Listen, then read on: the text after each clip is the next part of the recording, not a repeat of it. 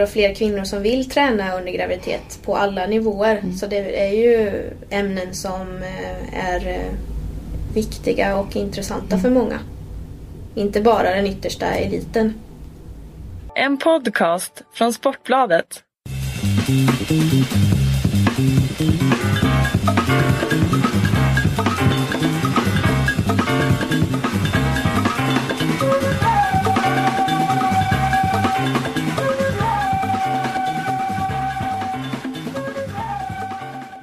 VM-åkare i vintras och ett framgångsrikt eh, skid-VM i Falun och nu är det vår ute. Hur är det Maria Rydqvist, åker du fortfarande skidor eller har du lagt dem åt sidan nu?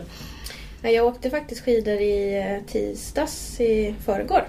Det finns snö Eh, kvar. där jag bor i Mm. Älvdalen. Så det gick, men det var väl gränsfall att det var inte så bra spår då längre. Men det är, ja, nu, nu är det ju faktiskt rätt så sent på året så det är dags att, att börja med den andra träningen. Precis, men du får inte lite ledigt emellan då? Jo, men jag har ju egentligen haft eh, det lugnt nu sedan jag slutade tävla för tre, fyra veckor sedan. Så att eh, jag har tränat för att jag tycker att det är roligt att träna. Och det är det jag märker när, när det är vilat. Jag vill ut i alla fall. Fast man är inte ute lika länge och alltså, man kanske inte är så sugen på att träna två pass om dagen. Det är något helt annat. Men att komma ut en stund varje dag och få eh, frisk luft och bara lite endorfiner, det är väldigt skönt. Och kanske med lite andra krav på den rörelsen än på den hårda träningen? Ja men absolut. Det går väl oftast i ett rätt så lugnt tempo. och Man eh, åker med när det är fint väder ute. Om det inte är så fint då kanske man struntar i det. Och eh, vintern, om vi bara ska blicka tillbaks lite innan vi blickar fram så blev du inte uttagen till VM först. Eh, jo, det blev du i reserv, alltså som reserv, men reserv på hemmaplan och eh, kom dit eh, omgående då när Anna Haag blev sjuk. Eh, och gjorde väldigt bra ifrån dig med de korta, ja, du hade väl förberett dig givetvis då på, på ditt håll. Eh, men, men med lite distans, hur summerar du ditt VM? Ja men det var en omtumlande resa. För att eh, jag blev ju väldigt besviken när jag bara blev reserv. Och nu i efterhand så vet vi att det blev ett VM i alla fall. Och vissa trodde väl att jag skulle få åka. Men jag kände inte så när jag blev reserv att det var troligt att jag skulle åka. För det var inte heller säkert att jag var första reserv. Utan det fanns eh, personer i truppen som kanske skulle få åka före mig. Och så, så att, eh, nej, det var, det var jobbigt. Och, det är svårt att förbereda sig när man inte vet om man ska få åka. För man vill ju förbereda sig på alla sätt. Liksom verkligen gå in för det. Och det är ganska jobbigt att göra om man då inte får åka. Eh, Så det var ju en tuff period tycker jag. Precis, och du var ganska öppen där när truppen togs ut eh, vid SM, då sista dagen på SM, eh, över att du var rätt besviken. Eh, hur var just det liksom, nederlaget i den stunden? Jo, jag blev eh, jättebesviken då direkt. Och sen så kunde jag väl eh, eh, bli lite mer samlad efter ett tag och, och känna att det kanske finns möjligheter och jag måste försöka att tro att det ska bli ett VM. Så, så mer och mer började jag ju ändå att ja, förbereda mig som om det skulle bli. Det var ju tur det. För det blev ju så här blixtinkallare Ja, där. Anna Haag blev sjuk på genrepet i Östersund och sen var det bara för dig att packa väskan. Mm. Ja, och sen när jag kom ner till VM då var jag ju bara jätteglad att jag hade kommit dit. Alltså först när jag eh, åkte ner visste jag ju faktiskt fortfarande inte att jag skulle få starta. Utan då Okej. visste jag bara att jag skulle få komma ner och vara reserv på plats. Så då var jag bara glad för att jag skulle få vara på VM. Ja precis, bara för att vara med liksom, i den här. Ja, men att det var ja. ett steg närmare Ja. Mm. VM.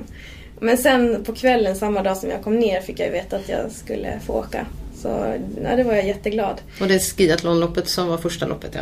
Ja, Mm. precis. Och, alltså man förstår ju mer och mer hur stort VM skulle bli. Det hade väl alla pratat om hela året men jag tror att jag inte riktigt hade tagit in det där. Hur, hur stort det skulle bli. För det, det kom ju verkligen över en sen att det var någonting riktigt stort. Hann du njuta av det när du var där eller är det sånt här som har fallit på plats lite i efterhand? Eh, jo, jag njöt av det när jag var där. Det gjorde jag. Jag kände jättemycket glädje av det och att jag fick eh, energi av det. när jag var på plats. Det var...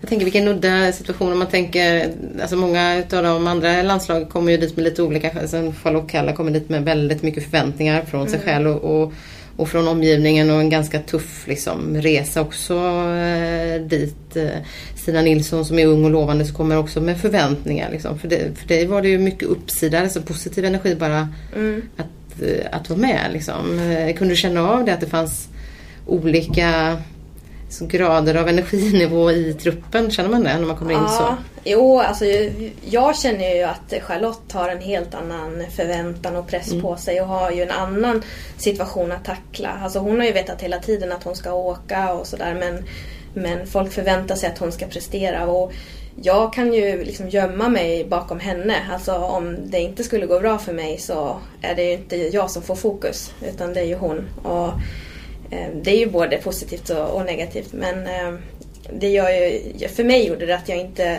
var speciellt nervös. Sådär. Jag kände ju bara att det kan ju bara bli bra. Och det blev det ju. Ja, det blev ju bra. Blev, känner du själv att det var över förväntan ändå, eh, dina resultat? Eller, Eh, ja, det eller var låg det. i... Alltså jag hade inte förväntningar. Nej, hade att inte. jag visste inte om jag skulle Nej. åka. Så det var ju bara positivt hela tiden. Ehm, Jag gillar väl kanske det också, att slå i underläge. Och bara, bara, alltså det är bara en bonus när, när jag lyckas. Det är en väldigt skön känsla det också. Ehm, Precis. Ja. Samtidigt som liksom vägen dit är ju jobbigare. Alltså att få göra arbetet dit själv. Mm. Ehm, Precis, och det har du gjort. Vi ska återkomma till det. Men om man bara tittar på, på eh, som VM där ändå. Är det, är det stafettmedaljen som, som ändå känns mest i hjärtat eller är det något, något av de individuella loppen? Eh, Det är nog lika mycket stafetten och eh, fjärdeplatsen. Eh, Men det är liksom hela VM på något vis att, att det gick bra.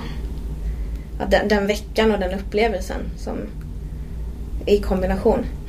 Men sen att stå på torget där, det var mycket folk och ta emot silvermedaljen var ju ändå rätt mäktigt Ja, jag. det var jätte, jättehärligt. Och, Och sen har vi ju sett alla de här bilderna då Maria på, på dig och dina små barn. Då, som, som de jättefina bilder som var på plats och hejade. För att snegla lite men, men eh, Vilda och Charlize. mm. Eh, och Vilda träffade vi tidigt på, i Bruk, nej, det var vi uppe i Gällivare på, på världscupsdebuten för flera år. Hon har varit med länge i världscupscirkusen. Ehm, och det är klart att du får en del frågor eh, om att kombinera ditt idrottande med att vara mamma. Eh, och det var fokus även på Johan Olsson som var borta sju veckor från, från VM för sina barn för att isolera sig lite. Eh, och vi pratade lite kort om det här innan, sådär, hur, hur du upplever det att eh, vara skidåkare och mamma. För det blir ofta så, eller hur? Ja, det är ju ofta så som jag framställs.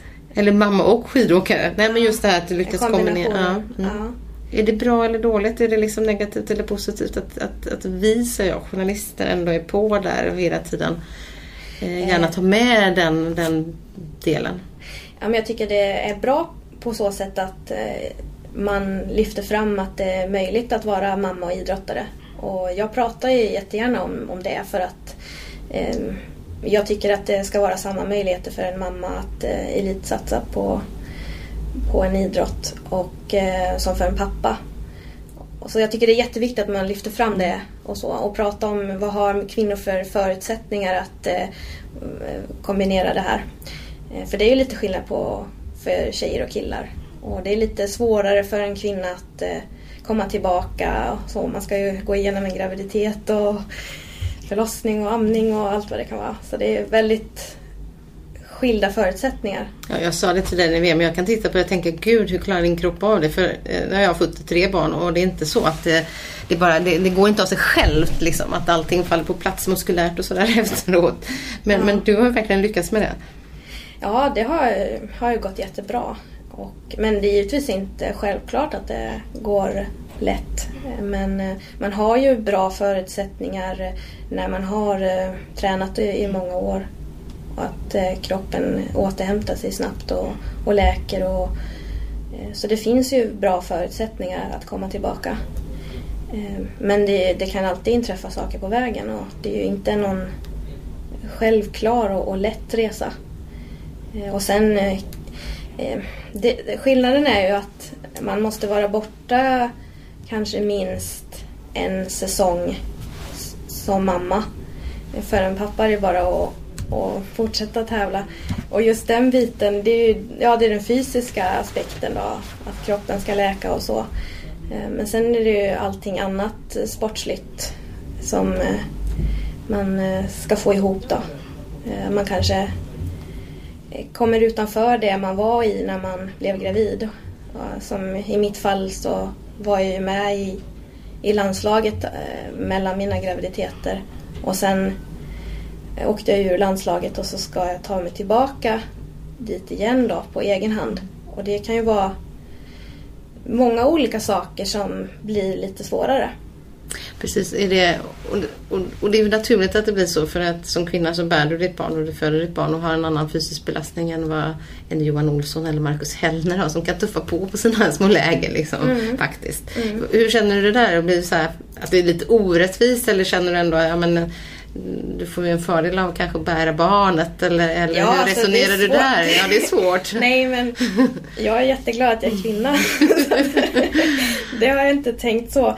Eh, och det är, jätte, det är fantastiskt att få uppleva detta. Eh, det man tänker är ju att eh, det kanske borde skapas bättre förutsättningar för kvinnor att komma tillbaka. Att man inte blir så utlämnad att klara det här själv. För att om man jämför med någon som har ett vanligt arbete så har man föräldraförsäkring och man kan vara ledig och ta ut de här föräldradagarna. Men om man är idrottare så eh, oftast är man ju inte anställd så det blir ju det här med ekonomiska. Mm. Eh, men sen är det också att eh, Ja men man tvingas ju vara ifrån idrotten. Och då ska man Eh, göra någonting annat under tiden eh, och man ska försörja sig. Ehm, så det, det, är inte, det är inte samma sak som att bara vara ifrån sitt jobb. Nej, och jag kan skoja lite om det som jag gör där med, med, skillnaden. Men just som du säger så är det ju, om man tittar generellt och strukturen inom idrotten så är det ju finns det ju inte i idrotten strukturer för att eh, du ska kunna vara frånvarande egentligen ett år, kanske Nej. under den bästa delen av din karriär eh, och föda barn. På något sätt så är det så att du idrottar pang och sen slutar mm. du och sen skaffar du barn. Alltså borde man... Det finns ingenting som fångar upp Nej. där. Nej. Där tycker jag att det borde finnas någonting mer eh, som man kan bli slussad tillbaka. Att det inte bara hänger på en själv eh, att komma dit. Mm. Om man tänker om man kopplar det till exempel till skador, liksom, om du ska åka på en korsbandsskada. Är den tillbakaslussningen mer naturlig? Att man går i så här, man sätter sig med en rehab och nu ska vi göra det. Du behåller din plats i landslaget, vi stöttar dig under tiden. Ja, jag tror att det, det, ja. Så det är mer naturligt med en korsbandsskada än, än barnafödda? Ja, men jag tror att många inte heller vet hur de ska hantera det riktigt. Så kunde jag nog uppleva i mitt fall också. Att man vet nog inte riktigt hur man ska hantera det. Vad som är, är rätt. Och Alltså jag kände ju att jag var ju idrottare hela tiden. Alltså jag var ju det även när jag var gravid och även om mm.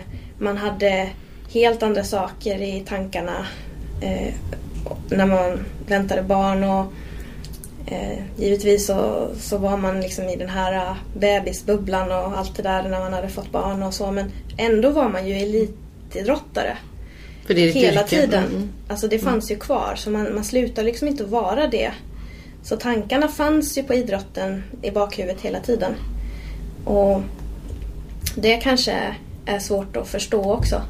Att eh, man liksom inte bara kommer ifrån allting och, utan det finns där. Men hur var det där då? För du var med i landslaget och var Vilda liten. Mm. Och sen så när du blir gravid igen så, så eh, under den perioden så, så tappade du din plats i landslaget. Eller, träningsgruppen va? Ja, det ja. blev ju naturligt under min graviditet att jag eh, inte längre var med. Alltså jag, eh, eh, det blev ju tävlingssäsong sen eh, en bit in i graviditeten och då, den vintern tävlade jag ju i princip inte. Och det var ju liksom naturligt. Mm. Men, och sen året, sen föddes ju Charlize i maj och då hade ju nya träningsåret börjat då. Då är det ju rätt så svårt att jag kanske direkt skulle ha hoppat mm. på någonting. Det blir ju orimligt. Eh, man måste ju kunna vara med på träningen om man ska vara med på läger. Men hur gick diskussionen mellan dig och landslagsledningen? Fick du, upplevde du att du fick stöttning därifrån att de hörde av sig? Hur tänker du här? Hur kan vi hjälpa dig i, i det här fallet? Eh, ja, till viss del. Men eh, ändå tror jag de inte riktigt visste hur de ska hantera det. Jag, jag, känner att det borde finnas någonting mer där. Och sen, det kan ju ta olika lång tid att ta sig tillbaka. Eh, och eh, ja, det, det kan vara ganska tufft att liksom, man kanske tappar en del sponsorer och man ska eh, klara fixa allting sånt. Men då kanske det är ännu viktigare i och för sig att man har ett, liksom en struktur från förbundets sida, från ett landslags sida. Mm. När den andra liksom, strukturen ändå blir väldigt påverkad. Mm. Ja, att de, att de ser vad man har för ambition att komma tillbaka. Att de, eh, att de kan också se det liksom lite långsiktigt. Mm. Ibland så kanske det också kräver lite längre tid innan man kan prestera fullt ut. Att man ändå ges chans då. Tycker du att du har fått den chansen eller? Um, ja, det är svårt att, att säga. jag tror att det gick ju väldigt lätt för mig att komma tillbaka efter första graviditeten. Mm. Och då fanns det nog en förväntan att det skulle gå, att det går så snabbt och lätt att komma tillbaka. Det tog lite längre tid efter andra? Ja, det tog eh, lite längre tid. Det var, ja, det var lite tuffare att få tillbaks allting muskulärt och så. Mm. Och sen det vad jag upplever väldigt mycket med det här med att komma tillbaka fysiskt. Det är ju att det är så himla stor skillnad. Att vissa saker kan man komma tillbaks med snabbt. Jag tyckte att det var lätt att komma tillbaks konditionsmässigt. Mm. För jag kunde ju träna kondition eh, hela graviditeten. Så att det tog ju bara några månader då. Och det gjorde att vissa saker gick väldigt bra. Men sen eh, muskulärt tog det jättelång tid att få tillbaka magmusklerna. Det tog ju mer än ett år. Och det gjorde ju att stakningen blev ju inte speciellt bra. Just eh, Så att, och sen explosivitet och, och sånt tog också lång tid. Så det, det, jag tror att det är väldigt stor skillnad på vilken idrott man håller på med hur lång tid det tar att komma tillbaka. Jag tror att det är svårare i eh, styrkegrenar och explosivitet mm, mm. Och, och snabbhet och sånt. Och det är klart att skidåkning ställer extrema fysiska krav. Liksom. Jo, det gör det. Är ju både, det är ju hjärtat är en sak men, men det är ju många mm. bitar som ska sitta där. Ja, det är det. Men du kom tillbaka. Du har kommit tillbaka och du eh, tog dig till VM. Eh, och eh, det är klart att vi kan inte eh, undra annat än hur det ser ut framöver här innan vi går vidare i, i, i diskussioner om det här med, med liksom kvinnligt som, som, som ligger dig varmt om hjärtat och mig varmt om hjärtat. Eh, fortsätter du satsa? Mm, jag har bestämt mig för att fortsätta. Jag frågade det där, för du var lite på väg sa du där innan VM. Ja. Att äh, men det får nog vara bra nu. Ja, Jo, jag har varit inne på att sluta också. Och innan, eh, ja, innan VM då hade jag väl i princip bestämt mig för att sluta. Eh, men sen så när VM gick bra och hela säsongen har ju, har ju känts som en bra säsong. Så mm, blev jag väldigt inspirerad att försöka... jag känner att det finns mer att utveckla och då är det svårt att, att vara nöjd. Plus att jag känner att det fortfarande är väldigt kul. Mm. Och det är, ju en viktig drivkraft sluta förstås. med något som är väldigt kul. Eh, men det som har fått mig att tveka och, och så i perioder det har ju varit att alltså jag har ju känt en väldigt stark kluvenhet mellan att vara elitidrottare och mamma. Att jag slits mellan olika känslor där. Och det, det är svårt att veta hur mycket, man, hur mycket plats idrotten ska ta. För då är man inte tillräckligt bra mamma, eller? Ja, ja. Ja. alltså hur mycket ska jag prioritera mig själv? Mm. Hur, hur egoistisk ska man vara? Och ibland så kräver ju idrotten att man sätter sig själv i, i första hand. Och det är ju en väldigt jobbig känsla när man är mamma. Eh, så jag försöker väl att... Alltså, periodisera. säga. Ah, ja, periodisera Nej, liksom- mammaskapet eller skidåkningen? Nej, men liksom att Ja, den smart. här perioden när det är jätteviktig säsong och då kan jag göra så här. Men resten av året så vill jag inte prioritera mig själv på det sättet. Mm. Men det är väl inte fel? Nej, då känns det ju mer, eh, då känns det mer bra att göra så. Vad är det svåra där? Är det liksom att, att du prioriterar din träning i vardagen eller är det de här att vara borta? För det blir ju en del per automatik om man väljer att tävla, att man är på Mm. resande fot. Det är både läger och... Ja, det är ju det där med att vara borta är Mm. ju. Och sen är det ju till exempel när barnen har varit eh, sjuka så har det varit svår, svår avvägning hur jag ska göra då. Om jag ska akta mig för dem eller inte. Mm. Och där tycker jag det har väldigt stor betydelse när det är. Om det är eh, veckan före VM eller om det är nu på våren då. Så nu, tar du, nu får de kramas Nu även får- med baskeluskor? Ja, precis. Det ja. Åh, vad Mm, svårt. Det är väl, Ja. ja. det är ju väldigt svår bit tycker jag. Det är nästan eh, det som har varit jobbigast med hela idrotten. Är det så att du har eh, som, sagt nej till att ta hand, ta hand om, låter hemskt, det är klart att du tar ditt ansvar för dina barn, det är inte alls jag menar, men, men att inte, om det är så att det har varit sjukdomar nära viktiga Mm. tävlingar, att du har Mm. isolerat dig på något sätt själv då eller inte tagit... Ja, det har jag gjort. Mm. Och Det det, har varit jättejobbigt. Har det. Frågar de då varför inte mamma är här? Ja, äldsta Vilda hon frågar ju det. Hon är ju medveten Mm. och så. Så jag har ju berättat för henne att det är för att eh, hon är sjuk och jag ska tävla och så. Så hon, hon förstår väl det lite grann men det är ju ändå svårt. Men du Johan Olsson då som eh, har två små barn och som eh, isolerar sig i, för han blir sjuk väldigt ofta. Mm. Och han, det säger han ju själv att det är hans akilleshäl. Eh, eh, och isolerar sig sju veckor då inför VM för att kunna genomföra VM. Eh, hade du kunnat göra något liknande? Jag vet inte. Jag tycker det är fantastiskt bra att Johan Olsson berättar om det och eh, att han som pappa lyfter fram just hur känslosamt det har varit för honom. Det tycker jag är jätte, jättebra att han gör. För att det, annars är det ofta mammor som berättar om sådana saker. Men att en pappa också kan känna att det är så jobbigt att vara ifrån sina barn. Och det tycker jag är väldigt bra av honom. Du, hur satsningen då? Du fortsätter. Det låter ju lovande. Har du satt upp någon tidsplan också för hur och hur satsningen? Har du liksom lagt upp någon plan för hur den ser ut? Eh, Jag tar ett år i taget och det har jag nog gjort eh, ganska länge. Jag brukar jobba lite mer så. Men nu är det ingen mästerskap nästa år. Då tänker man, Nej, inte, man tänker inte längre då liksom att det måste vara ett OS 2018. Eller, nej. Ja, ja, men jag jobbar inte så. Nej. Jag känner att jag blir mer motiverad när jag bara tänker ett år för då kan jag ge allt. Mm. Om jag tänker för långsiktigt nu när jag har hållit på så länge då orkar jag nog inte riktigt ge allt. Då blir det så det blir, så, det blir nästan betungande för mig. Jag tänker ett Mm. år, då är det så här, ah, det, det är inte så länge. Då, då är det kul.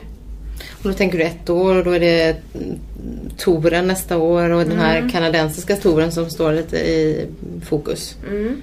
Vad är det, har du redan tänkt på vilka bitar som du vill jobba på liksom i träning eller är det så att spinna vidare på det som Ja. bra nu? Nej, jag har ju jättemycket att jobba med tekniken. Så det ska jag jobba mycket med det här året. För det har blivit väldigt eftersatt. Eh, Dels när jag varit utanför lag och sen eh, ja, men genom graviditeten och allt det här så har jag har inte jobbat så mycket med tekniken. Så jag dels har nog tappat sånt som jag har kunnat. Men sen har ju saker utvecklats också en del och det har jag inte riktigt tänkt med i. Så det finns mycket både i klassiskt och skate Mm. som jag tror att eh, jag nog ska kunna förbättra redan till nästa säsong. Det är kul. Då är det Ja. ganska konkreta bitar Ja, att jobba med också. Ja, annars just träningsupplägg och så, det tycker jag nog att jag har hittat eh, rätt och vet hur jag ska göra. Mycket backintervaller. Ja, precis. Jag kör ju väldigt mycket backintervaller. Du gillar det? Jag gillar det. Fast Det man ska ju inte få. träna på sånt man är bra på än. Nej. Men ehm, det är väl det som jag tycker är roligast. Jag, alltså jag tänker ganska mycket syreupptag sådär när jag tränar. Mm. Alltså det är det jag vill prioritera och, och bygga upp. Så det är så jag har tränat länge. Eh, försöka... Sen kan man inte eh, lyfta det hur mycket som helst. Alltså inte i min ålder heller. Men eh, jag tror ändå, alltså man förbättrar ju andra saker än bara max syreupptag när man tränar eh, backintervaller. Det är klart. Det har vi sett i resultatlistan också. Hur mycket tror du den här mentala aspekten kan spela roll också? Just att eh, man kanske ändå får andra perspektiv. Jag tror, det har du ju varit uppe med på din blogg också. Att, eh, att man värdesätter andra saker i livet. Vilket inte heller är fel utan snarare kanske är väldigt viktigt som idrottare. Att man vågar sätta idrotten i ett annat mentalt perspektiv. Att det inte är allt, det finns annat och då kan det släppa lite ute på spåret eller på banan eller vad man är. Har, har du känt så? Ja, det har jag känt jättemycket. Jag tycker den mentala biten är så otroligt avgörande. För att det spelar ingen roll om man har utvecklats fysiskt. Eh, för att om man inte får ut eh, sin kapacitet så... Det handlar liksom mer om att få ut eh, den till 100% än att utveckla fysiken 1%. Ja, det är klart, det måste man också göra. Men alltså... Jag tror man kan vinna mer på att få ut den kapacitet man har. Och där sitter nog en begränsning många gånger. Eh, Men det är ju inte heller lätt. Att, och det är så mycket saker som spelar roll. Och jag kan känna att för mig spelar eh, mitt eh, välmående jättestor roll för hur jag presterar. Och sånt kan man ju påverka själv men sen är det ju alltid saker som man inte kan påverka. Och det är inte alltid bara att trycka på en knapp. Liksom. Det är Nej. kanske en process eller en livsprocess på något sätt. Att Ja, saker och ting har- växer fram. Ja.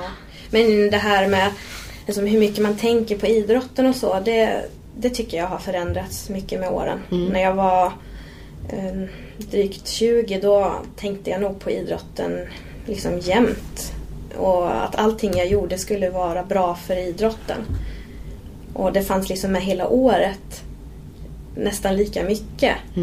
Nu är det ju väldigt stor skillnad på hur mycket jag tänker på skidåkning beroende på vilken månad det är. Och sen kan jag liksom gå in i det och ur det. Jag tänker inte så mycket på träningen när jag inte tränar. Utan jag kopplar på det när jag tränar och sen så tänker jag inte så mycket på det. Och ehm, jag gör ibland saker som kanske inte är direkt optimalt för skidåkningen. Men det blir optimalt för mig för att jag trivs med att göra det.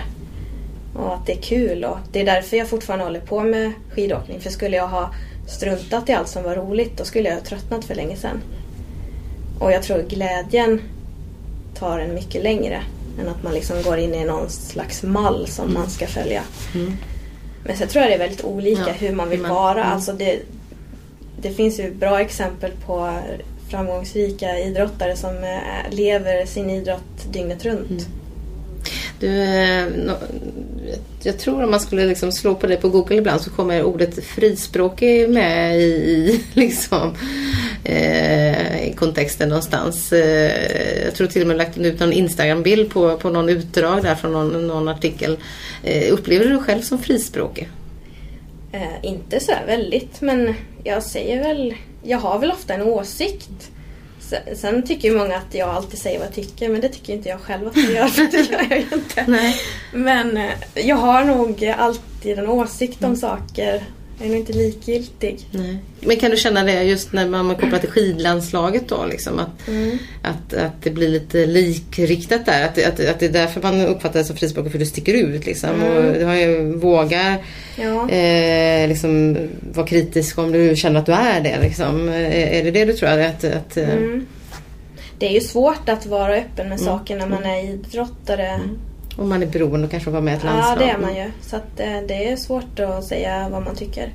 Men du har aldrig känt att det har begränsat dina möjligheter att vara med i ett lag? Att jag är frispråkig? Nej, det tycker jag inte. Det, det blir liksom att dra det för långt. Det Mm. har jag aldrig upplevt så. Nej. Det är snarare tvärtom då? Att, eh, att, att det är positivt att folk, eh, även ledare, kan tycka det är bra att man vågar säga vad man tycker? Ehm, jag, Det har du inte upplevt det heller. Jag tror inte det heller. Eh, jag tror inte att det spelar roll. Det skulle vara väldigt tråkigt om sådana saker inverkade på en uttagning. Man tänker väl att det är resultaten Mm. som spelar roll. Ehm, men, nej, men man får väl lära sig när det är lämpligt att säga vad man tycker och inte. Ja, precis. ja, ibland hinner man inte tänka. Kanske efter ett lopp i mixade zonen så det är inte alltid så Ja, lätt och precis. man är Man, är trött. väldigt, liksom. eh, man kan vara väldigt frispråkig när man går i mål efter Ja, en tävling. ja.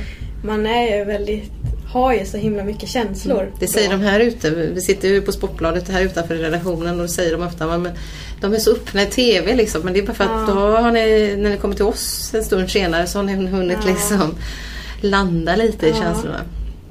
Det är väldigt speciellt det där hur man tänker och, och Mm. när man går i mål. Mm. Det- Det blir ofta överdrivet. Ja. Alltså är man glad så är man jätteglad och är man besviken så är man jättebesviken. Det blir så dramatiskt. Fast det inte är det när det har gått ett tag. Men kan det vara det vi också gillar, liksom, eller TV-tittarna gillar för att det, det är ju så mycket känslor i idrott. Jo, jag vet. Jo, det är det väl. Ja, det är precis som du säger. Det är väldigt mycket känslor i idrott. Det kanske var tråkigt om alla ändå hade kommit så här helt distanserade till, Ja, jo, till jo. ett lopp. Man är så engagerad. Men det tänker jag också där med att ha distans och så. Alltså det är inte... De är inte... Säger inte emot varandra. Det finns, alltså det finns ingen motsättning däremellan. Man kan ha distans men ändå vara väldigt engagerad och, eh, och tycka att det är, eh, är viktigt.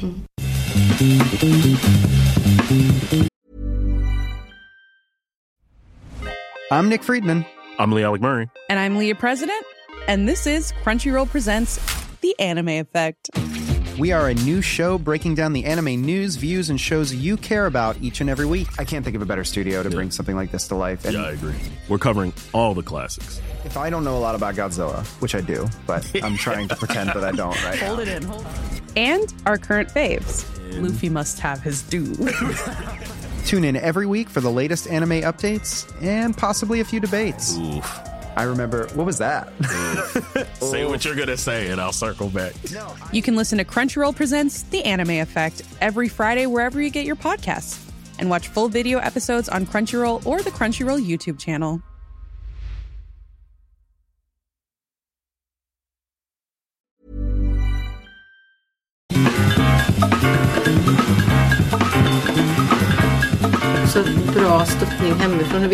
Det att du och din sambo är överens om, om det här? För att eh, han drar ju ett tungt lass. Vi ser honom packa in och ut i bilar här på mästerskap med mm, liksom bilstolar och barnvagnar. Och, det måste verkligen vara ett eh, bra skönt stöd. Ja, det, är ju fantastiskt viktigt att eh, familjen är med på, på noterna och vill samma sak. Eh, Och att det går. Det är, inte, Ja. det är inte alltid det funkar. Nej, nej Eller är får man se till. ja, men, nej, men det är jätteviktigt att eh, alla i familjen, alltså det är både min sambo då och eh, våra föräldrar och som runt omkring är positiva till det. För att det skulle jag tycka var det skulle döda min motivation direkt om de var emot det eller ville någonting annat. Så det har varit jätteviktigt att känna att de tycker att det är, är kul. Eh, för att det kräver ju, det blir ju i perioder väldigt mycket fokus på min skidåkning. Och på, på mig och vad jag ska göra. Att det får styra en del saker. Och så då, det betyder deras eh, stöd otroligt mycket. Mm. Har du någon gång upplevt, eh, du sa det själv att man kan, jag menar man brottas lite med samarbete. Men har du upplevt att det har kommit utifrån aspekter på att, att, att det värderas om man idrott, fortsätter sitt elitidrottande bara för man har barn? Hur det värderas. Ja. Ehm, menar du? ja, värderas kan ju vara positivt eller negativt. Nej, men om, det finns ju många om som andra... Hur om de- andra värderar det och liksom säger det till dig. Nej, det tycker jag inte. Jag tycker att eh, jag får mycket positivt från andra. Mm. Och... ehm, nej, så Men det är också en- det är dåliga också en- sam- det är också en värdering. Ja, men precis. Ja. Alltså, jag får väldigt mycket Mm. positivt från andra. Eh, Men... eh, Det, och det är säkert samma sak när man har en vanlig yrkeskarriär. Att man slits mellan eh, jobb och Mm. familj. Och hur mycket man ska prioritera jobbet liksom. Hur, för familjen är ändå viktigast. Men kan du också känna att du är en viktig förebild där för många som visar att det här går faktiskt att förena. Det är inte, det är inte jätte Ja, annorlunda jag, jag ett vanligt hoppas. Nej Ja. precis, jag hoppas ju det att eh, då, jag tänker kvinnor framförallt då, kan se att eh, de har samma möjligheter.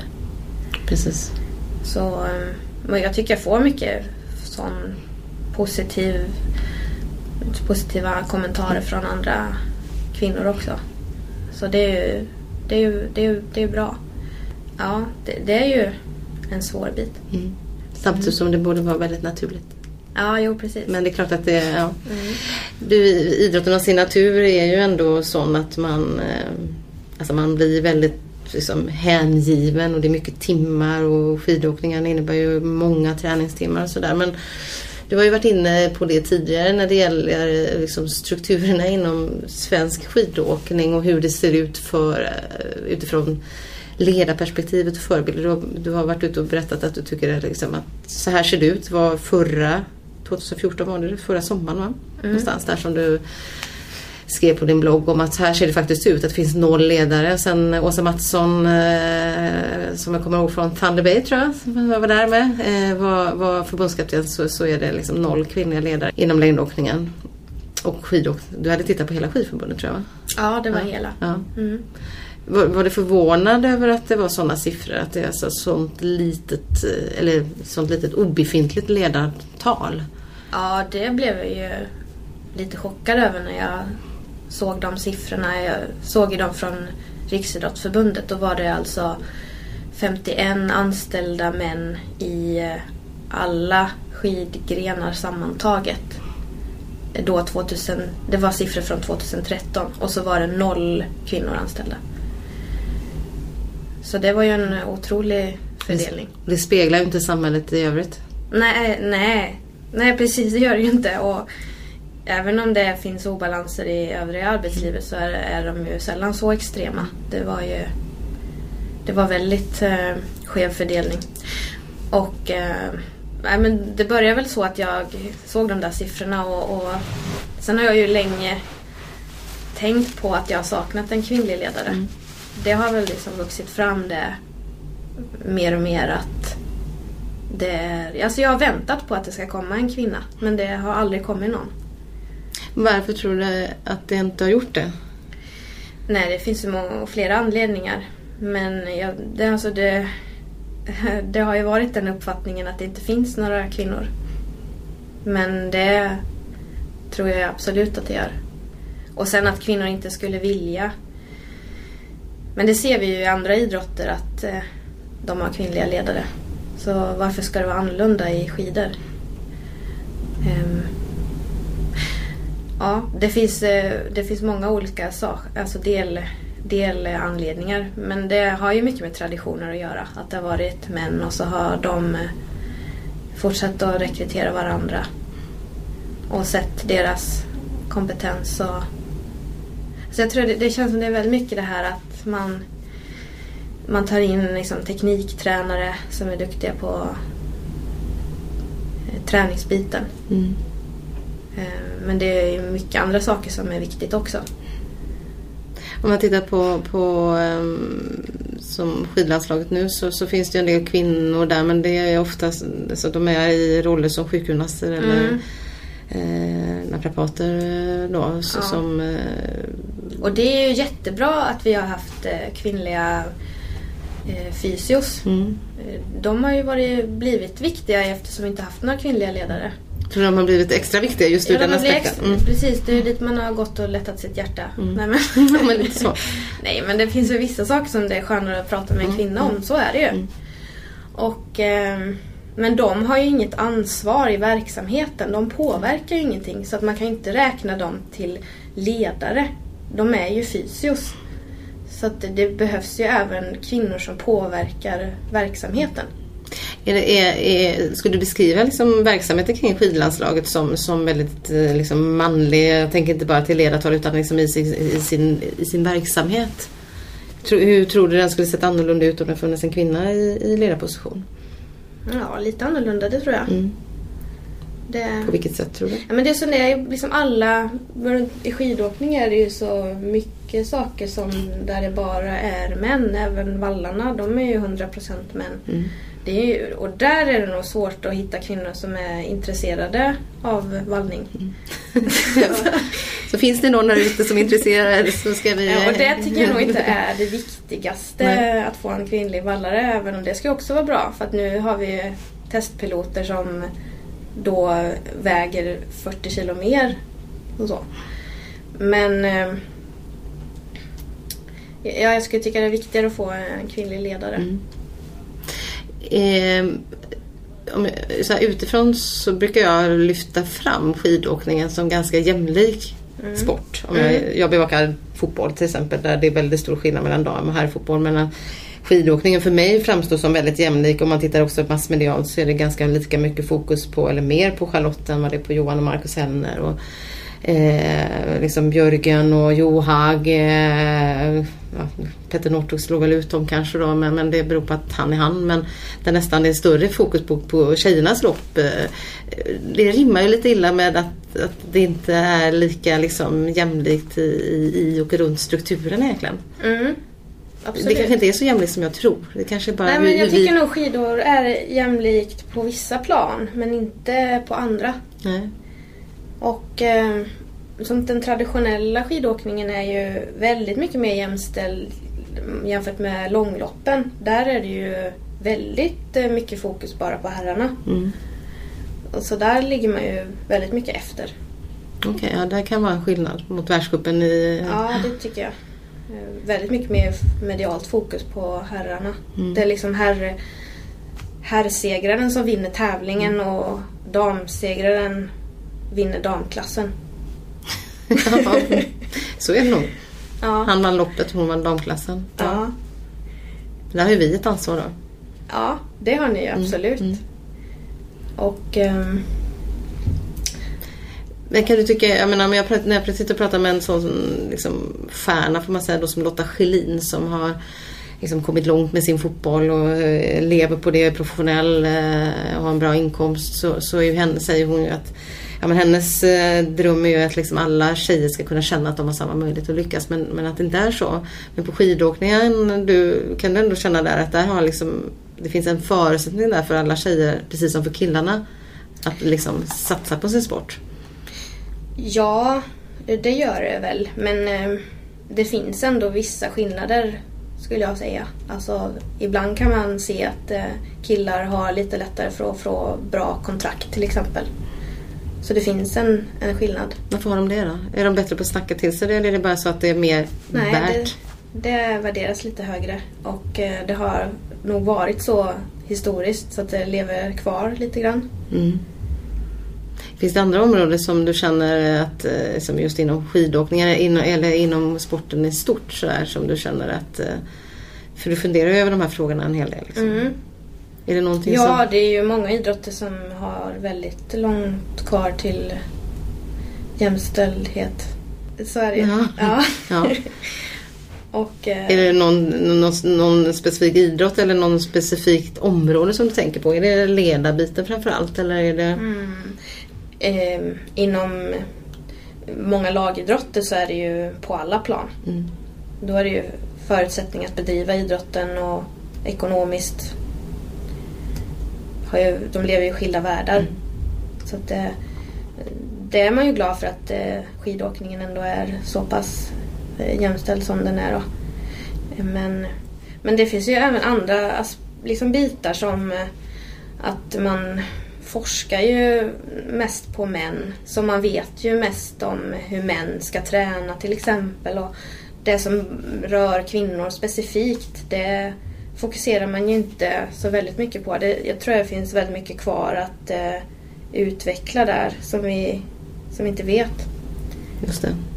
Och då kanske forskningen tillsätts ofta av män för att vara liksom riktad mot manliga idrottande.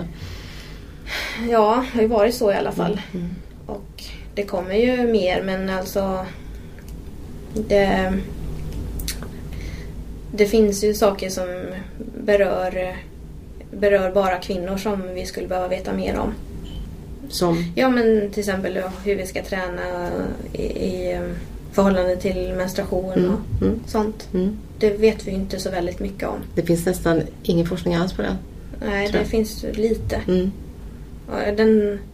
Den finns inte så mycket tydliga riktlinjer och svar. Och det är inte någonting som man får hjälp av från skidförbundet att så här borde du lägga upp din träning under den här perioden. Nej, det- nej, sådana saker prioriteras ju inte så mycket. Så har man lite PMS-besvär så håller man tyst och kör. Ja, Mm. Utan att någon, då får någon gissa sig till det eller, alltså man, eller tas det inte en sån hänsyn? Kanske svårt Nej men det också. pratas inte så Nej. mycket om det. Nej. det. Det kanske skulle vara annorlunda om det var kvinnliga ledare Mm. också.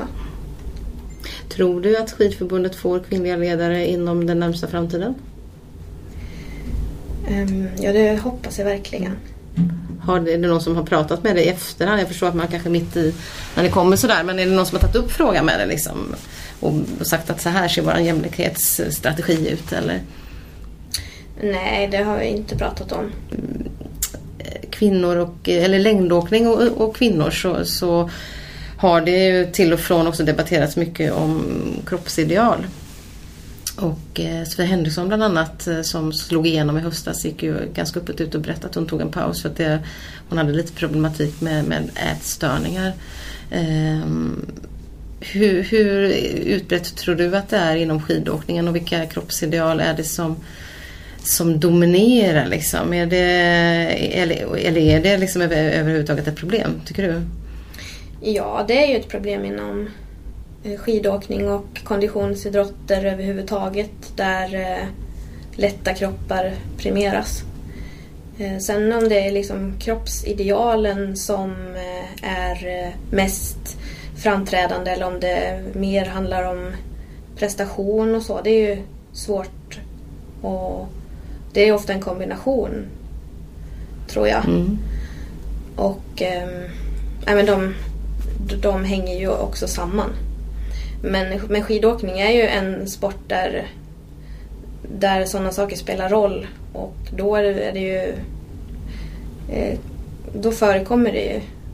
Och det kommer väl då och då ibland eh, mer och mer. Eller ibland blir problemen eh, större och ibland så känns de ganska kontrollerade. Jag skulle inte säga att det är extremt eh, eh, att det är ett extremt stort problem inom skidåkning. Men det finns där som i andra idrotter? Men det finns där under ytan och då och då så Mm. ploppar det upp. Och jag tycker att det är ju bitar som man måste jobba med förebyggande och, och prata om innan det blir för, för allvarligt. För när, när eh, det har gått långt då är det mycket svårare att få, få bukt med det också. Och när en, en tränare upptäcker det så kanske det har gått för långt också. Hur- Nu vet inte jag hur det ser ut där men man börjar, man pratar väl nu om att, att försöka implementera det ordentligt på skidgymnasienivå. Liksom. Eh, För där tror jag inte heller det har funnits någon riktig struktur kring, kring problematiken innan. Eh. Nej, jag tänker det är jätteviktigt att, att jobba med det under skidgymnasietiden. För då är det också en känslig ålder. Och ehm, Alltså det är ju viktigt att tränarna är utbildade i den frågan och vet hur de ska hantera det. För en sak är ju att vi ska prata om det. Men det är ju viktigt att vi pratar om det på rätt sätt så att det inte blir att man uppmuntrar till det när man pratar om det. För det, det är ju väldigt eh, smittsamt också så att om eh, Om en gänget börjar. ja, ja. så blir det fler påverkade. Det är väldigt svårt där för det finns ju en liksom, gräns för när du går du ner något kilo lite lättare och lite snabbare så kan ju det ha en gynnsam effekt givetvis då. Eh, men att ligga kvar där eller att liksom, optimera det utan att det faller över. Där, det är väl där också en svårighet Ja, finns. det är det. Så det är ju viktigt att eh, idrottare har stöd i det där och kanske inte gör sånt på egen hand bara. Då, Om man tittar på, på tjejernas kroppar i världscupen så ser de ju ändå väldigt olika ut. Man kan vara framgångsrik om man är väldigt muskulös som Marit Björgen. Om man är muskulös som Charlotte Kalla eller om man är smal som, men ändå muskulös och stark får vi säga för Therese Johaug är ju det men hon är ju liten. Eh, Så det visar ju på något sätt, är det viktigt där, att, att det är flera olika kroppstyper, får man säga så? Eh, Som ändå visar att det, att det går. Och du har ju Stina Kowalczyk som är jättesmal liksom, som, men, men också som lyckas. Att det finns mm, det är olika. jättebra. För det är inte Ja. så att det är en, liksom, en, Nej. en, en smal förebild som jämt lyckas. Nej, precis. Det är jättebra med skidåkningen så att man kan lyckas med olika kroppar. Och man kanske har lite olika egenskaper då. Bra på olika saker beroende på hur man ser ut. Eh, Det tycker jag är, det är väldigt bra. Har det blivit någon form av, tycker du, sned, snedvridet där liksom kring kroppsidealen? Att, eh, eh, som har påverkat liksom, trender. Jag tänker att eh, Marit med sin muskulära kropp har satt någon trend. Liksom, eller att det är att man, man nu vill snegla på Therese Johaug för hon har gjort stora framsteg. Eh, Ja, men säkert så gör de ju det. Alltså, man påverkas ju säkert av dem omedvetet. Och det, det blir ju så viktigt hur de, vad de förmedlar också. Eh, Så, så det har man säkert blivit påverkad av. Och då är det ju bra att de ser olika ut. Så att man ser då att man kan vara både eh, muskulös och, och man kan vara lite mindre och vara bra på olika saker. Men alltså alla har ju väldigt vältränade kroppar. Ska vi ju inte sticka under stol med. nej, så är det. Så är det. Ehm, och eh, det är ju tycker jag en svår balansgång det där. Vad som är en sund kropp och inte. Och för kvinnor blir det ju liksom ännu mer så. För att det blir ju ofta det här eh, manliga som eh, har fördel. Alltså man eftersträvar ju ofta manliga egenskaper som eh, muskler och lite fett på kroppen. Och det blir ju liksom en svår balansgång för kvinnor för att det är ju inte det som är naturligt alla gånger. Och det blir ju också därför det lättare uppstår problem med mat och vikt. Och sen har vi ju mera vi sätter mer på spel än vad män gör. Vi rubbar våran eh, hormonbalans på ett annat sätt än vad killar gör. Så att vi har ju så mer att riskera. Så, Och det är klart att rubbar du den för mycket så kanske du inte kan få barn. Alltså det finns ju följder Ja. som kan bli väldigt starka där. ja men precis. Det är dels det och sen att man kan få eh, ben, benskörhet Mm. helt enkelt. Och Så det kan ju män också få men då har det ofta blivit mer extremt. Det är ju rätt ovanligt. Mm. Så, Men, men just det här, jag menar, är inte det hela elitidrottens problematik egentligen? För att du måste, Mm. eller så här, de bästa är, är så extrema liksom. Det är inte hälsosamt med elitidrott egentligen. Nej, det är det ju inte. Eh, Men det är viktigt att man pratar om de frågorna. Mm. Och det är där igen, då ringer vi in med lite fler kvinnliga ledare så kanske man får in det samtalet på ett naturligt sätt. Ja, att man förstår att det är viktiga frågor. Mm. Och den diskussionen, saknar du den inom skidåkningen just nu? Ja, ja men jag tror ju, man ska inte säga att det har med skidåkning att göra för jag tror att det liksom är så i idrotten. Hur skulle du vilja att det ser ut? Att man pratar om det mer, att man lyfter Ja, upp men det? att kvinnofrågor prioriteras mer. Och där har vi ju en sån bit. Alltså ätstörningar är mycket vanligare bland kvinnor. Så att, eh, Så generellt så är liksom kvinnofrågorna, kvinnoperspektiven liksom för dåligt Ja. representerade i liksom, Ja. idrotten. mm. Det tycker jag. Har du några så här jättebra tre tips liksom här till SOK, RF och Skidförbundet? Ja, jag har ju nämnt några här. Ja. Jag hoppas att de lyssnar denna gången och tar med det. Eh, Men det har jag ju stött på både genom de saker vi pratat om, om menstruation och sånt. Men även liksom när jag var gravid så Alltså det fanns inte så jättemycket forskning på det. hur hårt får man träna när Nej, man är gravid? precis. Hur Nej, länge? När? nej, efter? Nej. Nej. Och just vart ska man vända sig för att få, få den kunskapen? Det ligger väldigt mycket hos eh, kvinnan själv att ta reda Mm. på det.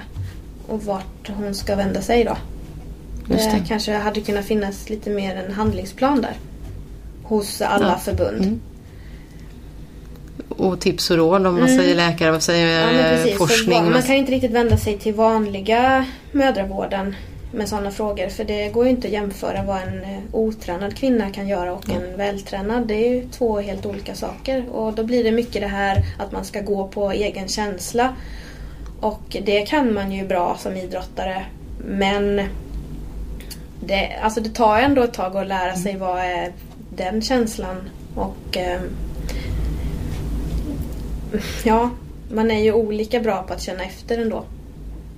Ja, och sen kan man känna efter men man kanske också ibland vill ha någon slags bottning i, i Mm. någon form av forskning eller Ja, jo, man får ju ändå trygghet av kunskap som man får. Så ju mer man vet desto tryggare känner man ju sig när man tränar.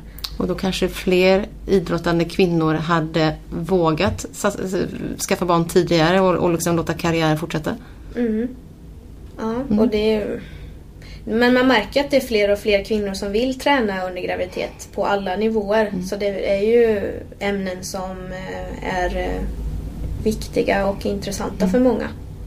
Inte bara den yttersta eliten. Nej, det är sant. På motionsnummer. Maria Rydqvist, tack och jag hoppas att vi får chans att återkomma i de här frågorna för eh, det kommer det finnas anledning till. Mm, tack så mycket.